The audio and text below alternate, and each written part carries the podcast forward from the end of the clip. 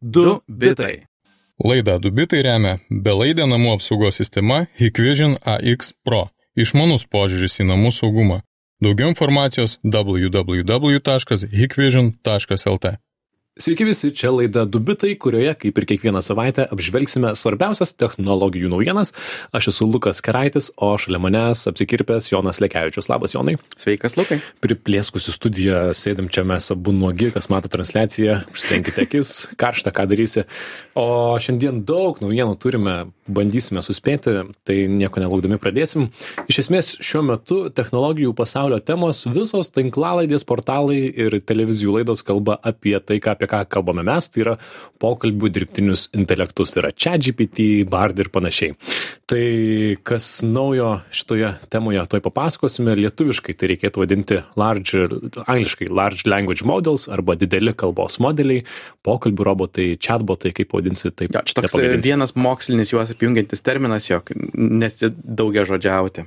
Taip. Ir praėjusią savaitę kalbėjome apie Microsoft ir Bing AI ir Jonas, pasirodo, jau gavo prieigą prie šio Bing AI pokalbių roboto brūšnys paieškos e, naršyklės.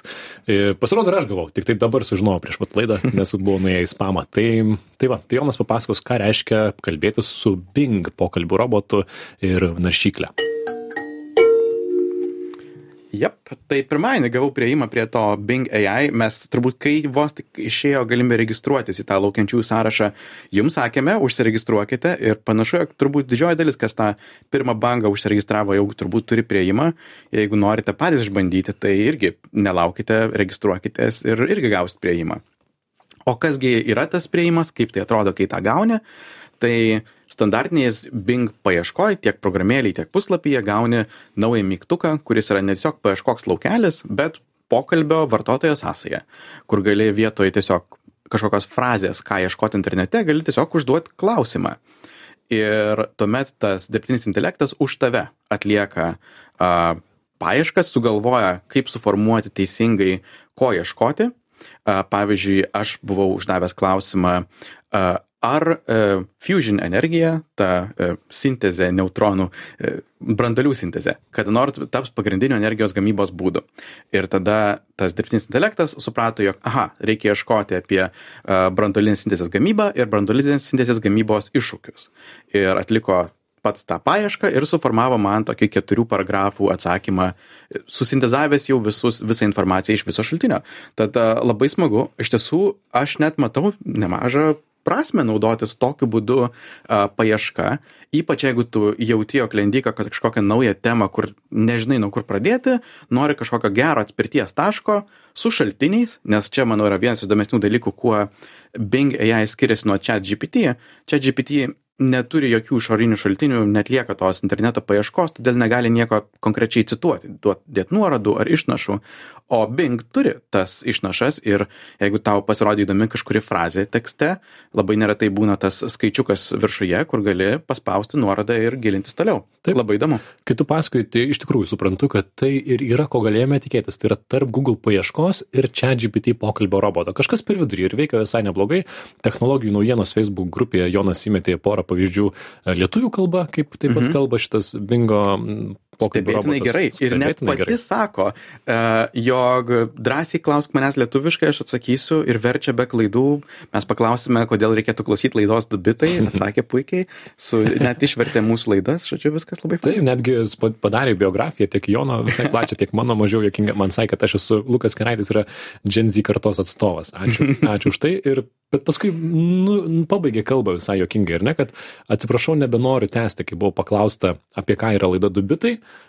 atsiprašė, aš nenoriu tęsti pokalbio, nežinau kaip atsakyti ir pabėgo. Aha. Šiuo metu vis dar Microsoft yra uždėjęs labai didelius limitus, ką tas kodinis pavadinimas Sydney, bet jeigu jai pasakai jos kodinį pavadinimą Sydney, iš karto sustabdo pokalbį, supranta, jog, e, e, čia nelysk į mano vidų. Uh, labai greitai stabdo tos pokalbius, vos tu įlendi kažkokius asmeniškumus, yra uždėtas vis dar tas šešių žinučių limitas, tai yra tik šešis kartus galima apsikeisti žinutėmis ir po to sako, stop, uh, pradėk naują pokalbį, tam, jog žmonės neprieitų prie jos vidinės asmenybės, neištrauktų kontroversiškų kažkokių frazių. Tad labai labai atsargiai Microsoftas elgėsi su pačiu algoritmu. Tiesa, kur jie drąsiai labai elgėsi, tai su visų integravimu. Mhm. Jie šią savaitę atnaujino savo mobilę programėlę, kurioje beje atsakymai skiriasi. Jeigu, pavyzdžiui, internete tu gauni tokią 4-5 paragrafų esė, mobilioje programėlėje tu gauni viską suspausti į vieną paragrafą. Toksai labiau pamastant apie tai. Jie integravo tą į Windows programų juostą, tą start juostą pačioje, integravo į Skype. Žodžiu, supranta, jog jie neturi ko prarasti, gali tik laimėti ir atimti iš Google a, daug rinkos dalies. Tad elgesi labai drąsiai. Taip, o Google tuo tarpu, na, palengva žengia link to žingsnių. A, kas yra Sydney? Mes praėjusioje laidoje daugiau kalbėjome, tai jeigu neklausėte, paklausykite.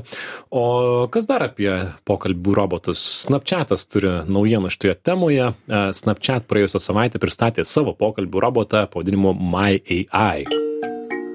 Majajai, majajai. Majajai. Lietuviškai būtų mano dirbtinis intelektas. Panašu, kad tai yra varoma to paties GPT free, free kaip ir čia GPT.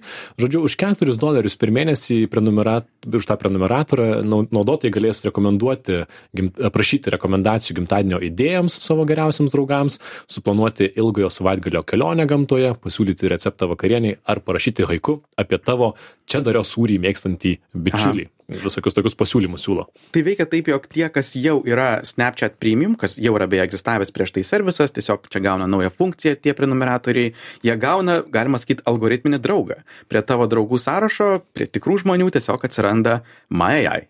Taip, ir na, reikėtų gal paminėti tiems, kam yra daugiau negu 18 metų, kad Snapchat tai yra tokia pokalbių susirašinėjimo programėlė, ar ne? Nes ją iš esmės naudoja daugiausiai, sakyčiau, paaugliai ar net vaikai.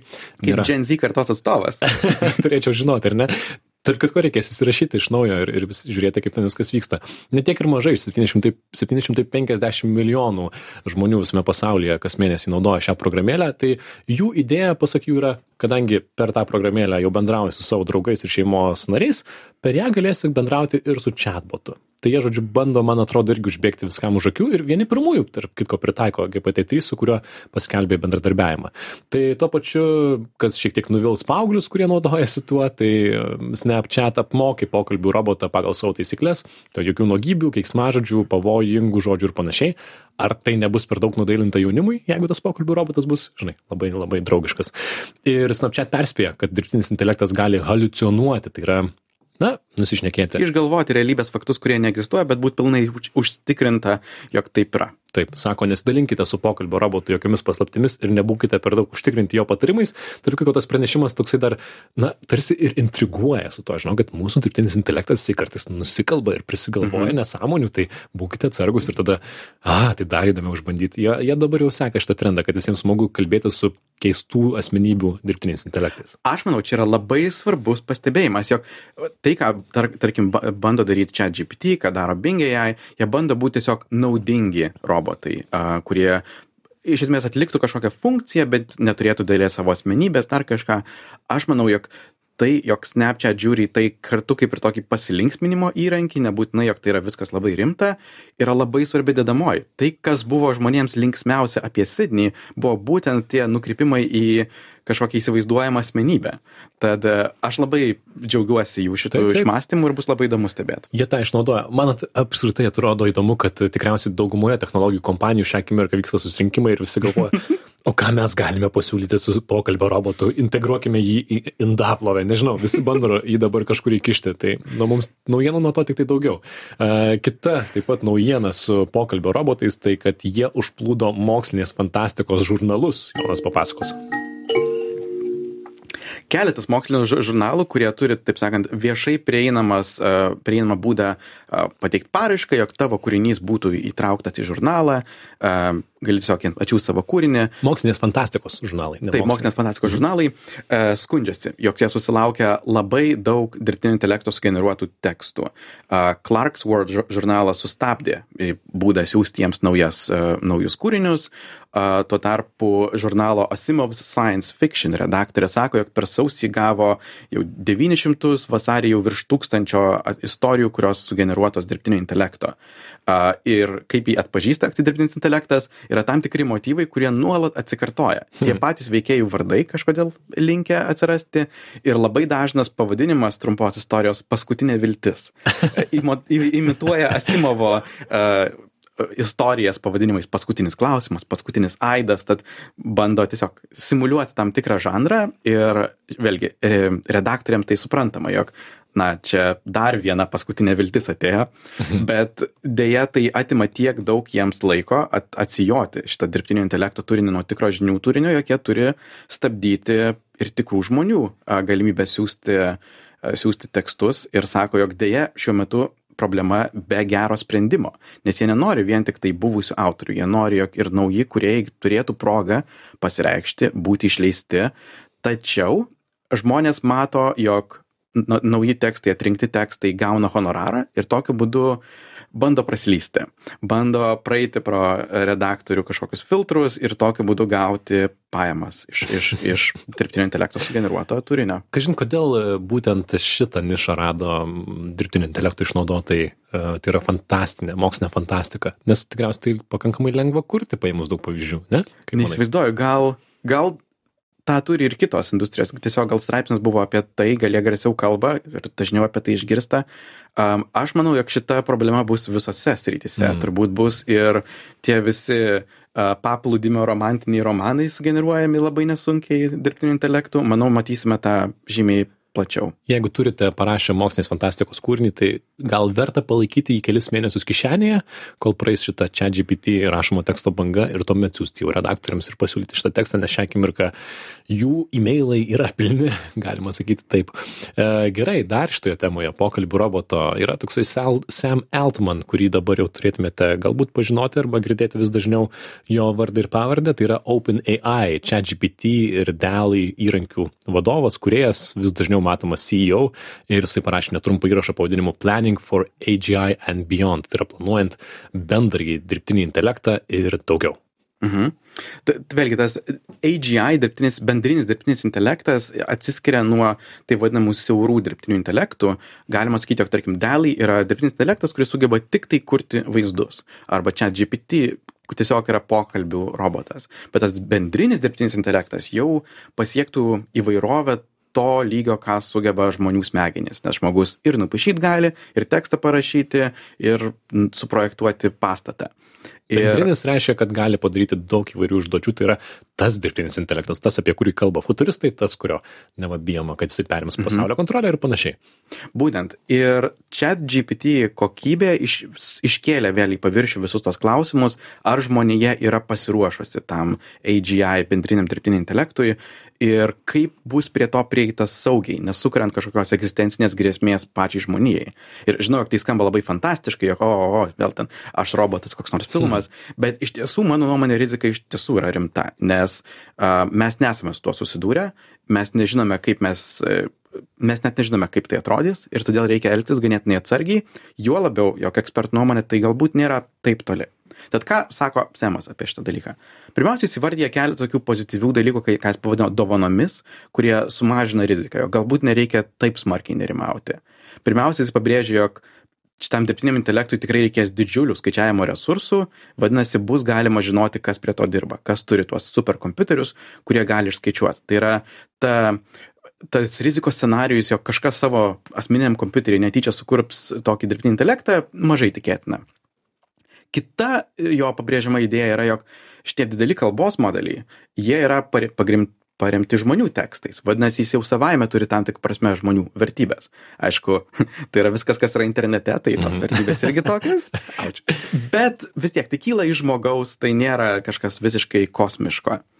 Ir jis pabrėžia, jog tikslas yra maksimaliai įgalinti žmoniją, jog utopijos mes turbūt nesukursime, bet galima sukurti kažkokį žmonijos daugiklį. Ir jis taip pat įvardyja keletą dalykų, ką jie konkrečiai darys, jog uh, užtikrinti tą saugumą. Tad jie pradės nuo visų modelių testavimo maža, mažesnėme galingume, ką šiaip iki šiol irgi darė, prieš paleidžiant plačiau ir nori tokio lėto evoliucijos tempo duoti laiko ir politikams įstatymų leidėjams žmonėms kurie galbūt turės potencialiai reaguoti keisti darbus jog jie turėtų laiko sureaguoti mhm. į tai, kas vyksta. Ir kuo viskas bus arčiau to bendrinio dirbtinio intelekto, tuo atsargiau sako, jog viską darys.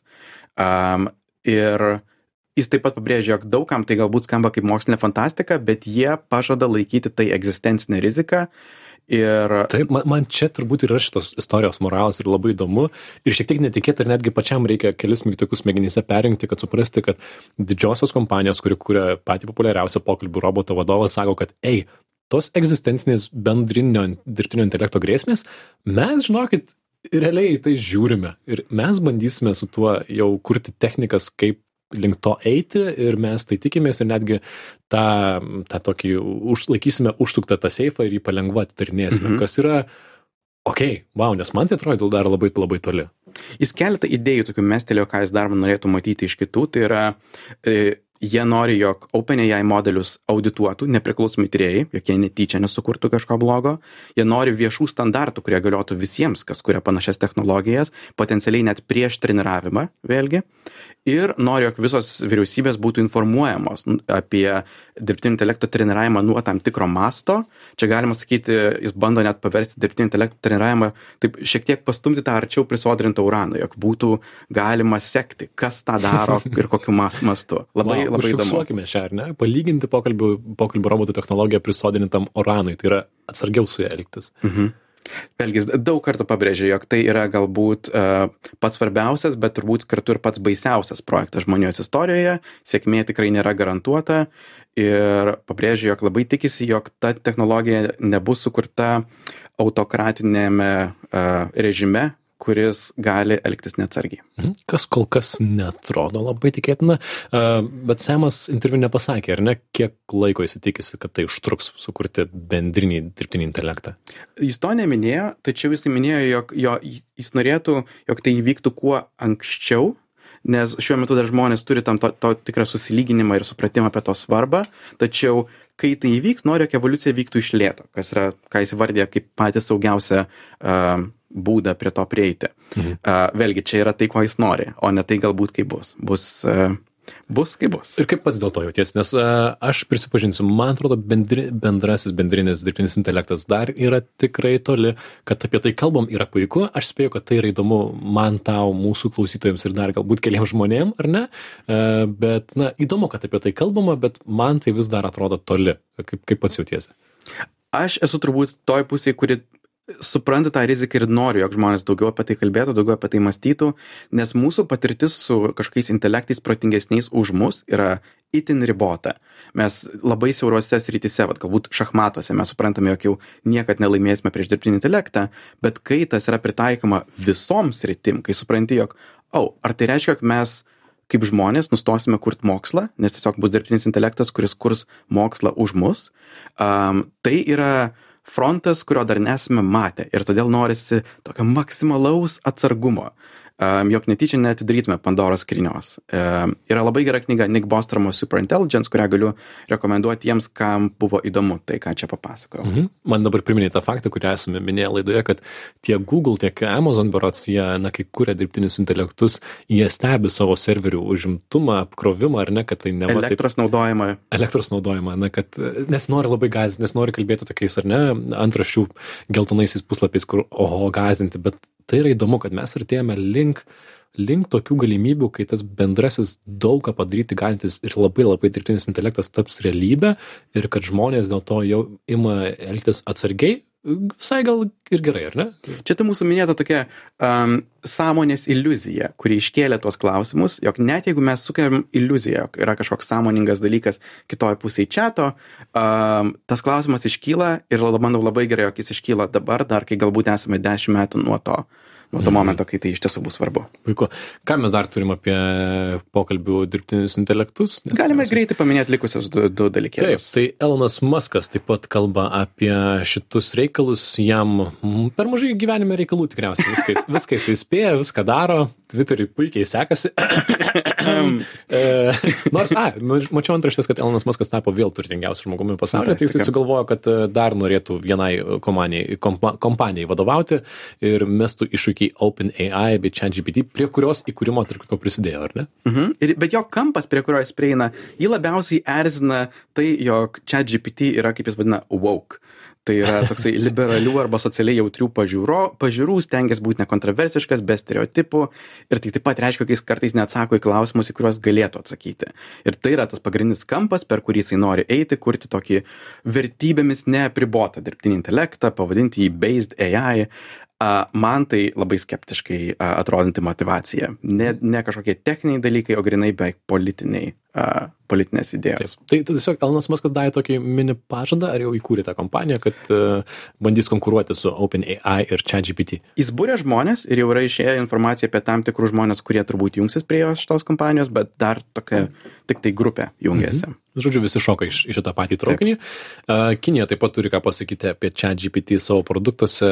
Ji informavo savo technologijų gigantus, Tencent, Baidu, Ant Group ir kitus, kad reikia nekurti produktų ChatGPT pagrindo. Tai ko, ko jie bijo? Cenzūros. E, nes čia GPT gali netyčia išleisti tam tikrą informaciją, paviešinti tai, ko jie nenori, jog e, jų piliečiai žinotų.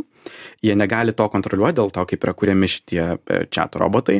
Tad kol nebus užtikrinti, jog jiem pavyks sukurti dirbtinį intelektą, kuris nežino jokios informacijos, kurią nori cenzuruoti, chat GPT neprieinama ir neturėtų būti naudojama Kinijoje. Wow.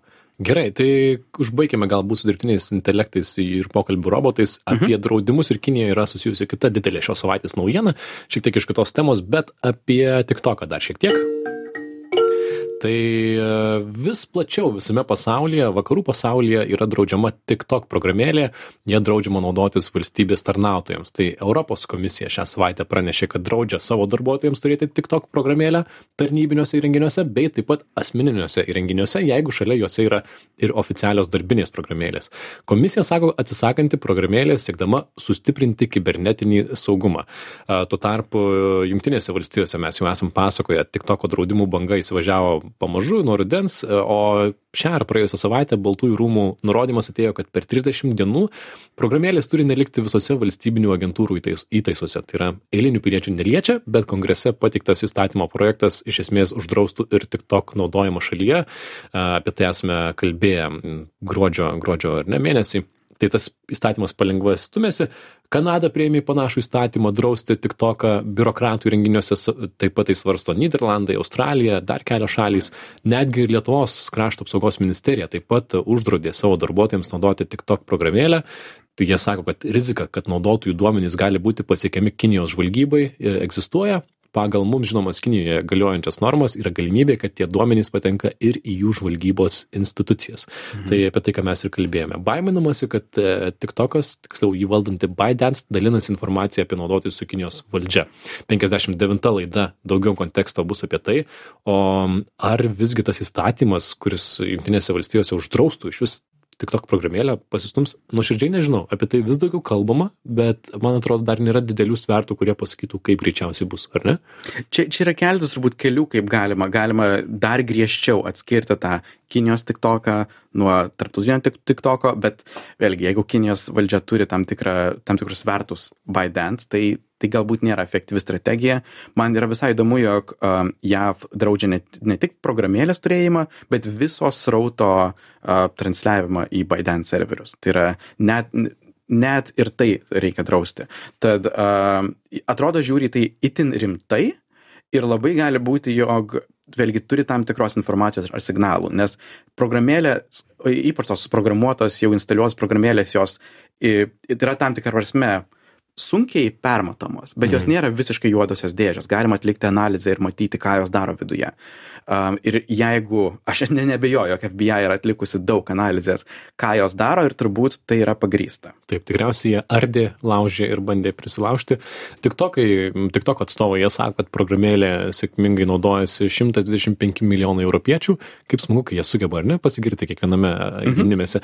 Mhm. Ir kad tokie ribojimai yra sukurti pasikliaunant klaidinančiomis prielaidomis. Tai yra veiksmų imtas remiantis baimėmis, o ne faktais. Tai jie be abejo, jiems tai nelabai patinka ir e, stebėsime tikriausiai kelių mėnesių bėgę, galbūt sužinosime, ar visgi tiktokas bus uždraustas visame pasaulyje, kas būtų įdomu. Ar ne? Bus Tai labai įdomu. Ir čia viskas dar, tai nėra vien tik tai technologinis žaidimo laukas, aš manau, visi supranta ir tą visą geopolitinį kontekstą, kuris vyksta.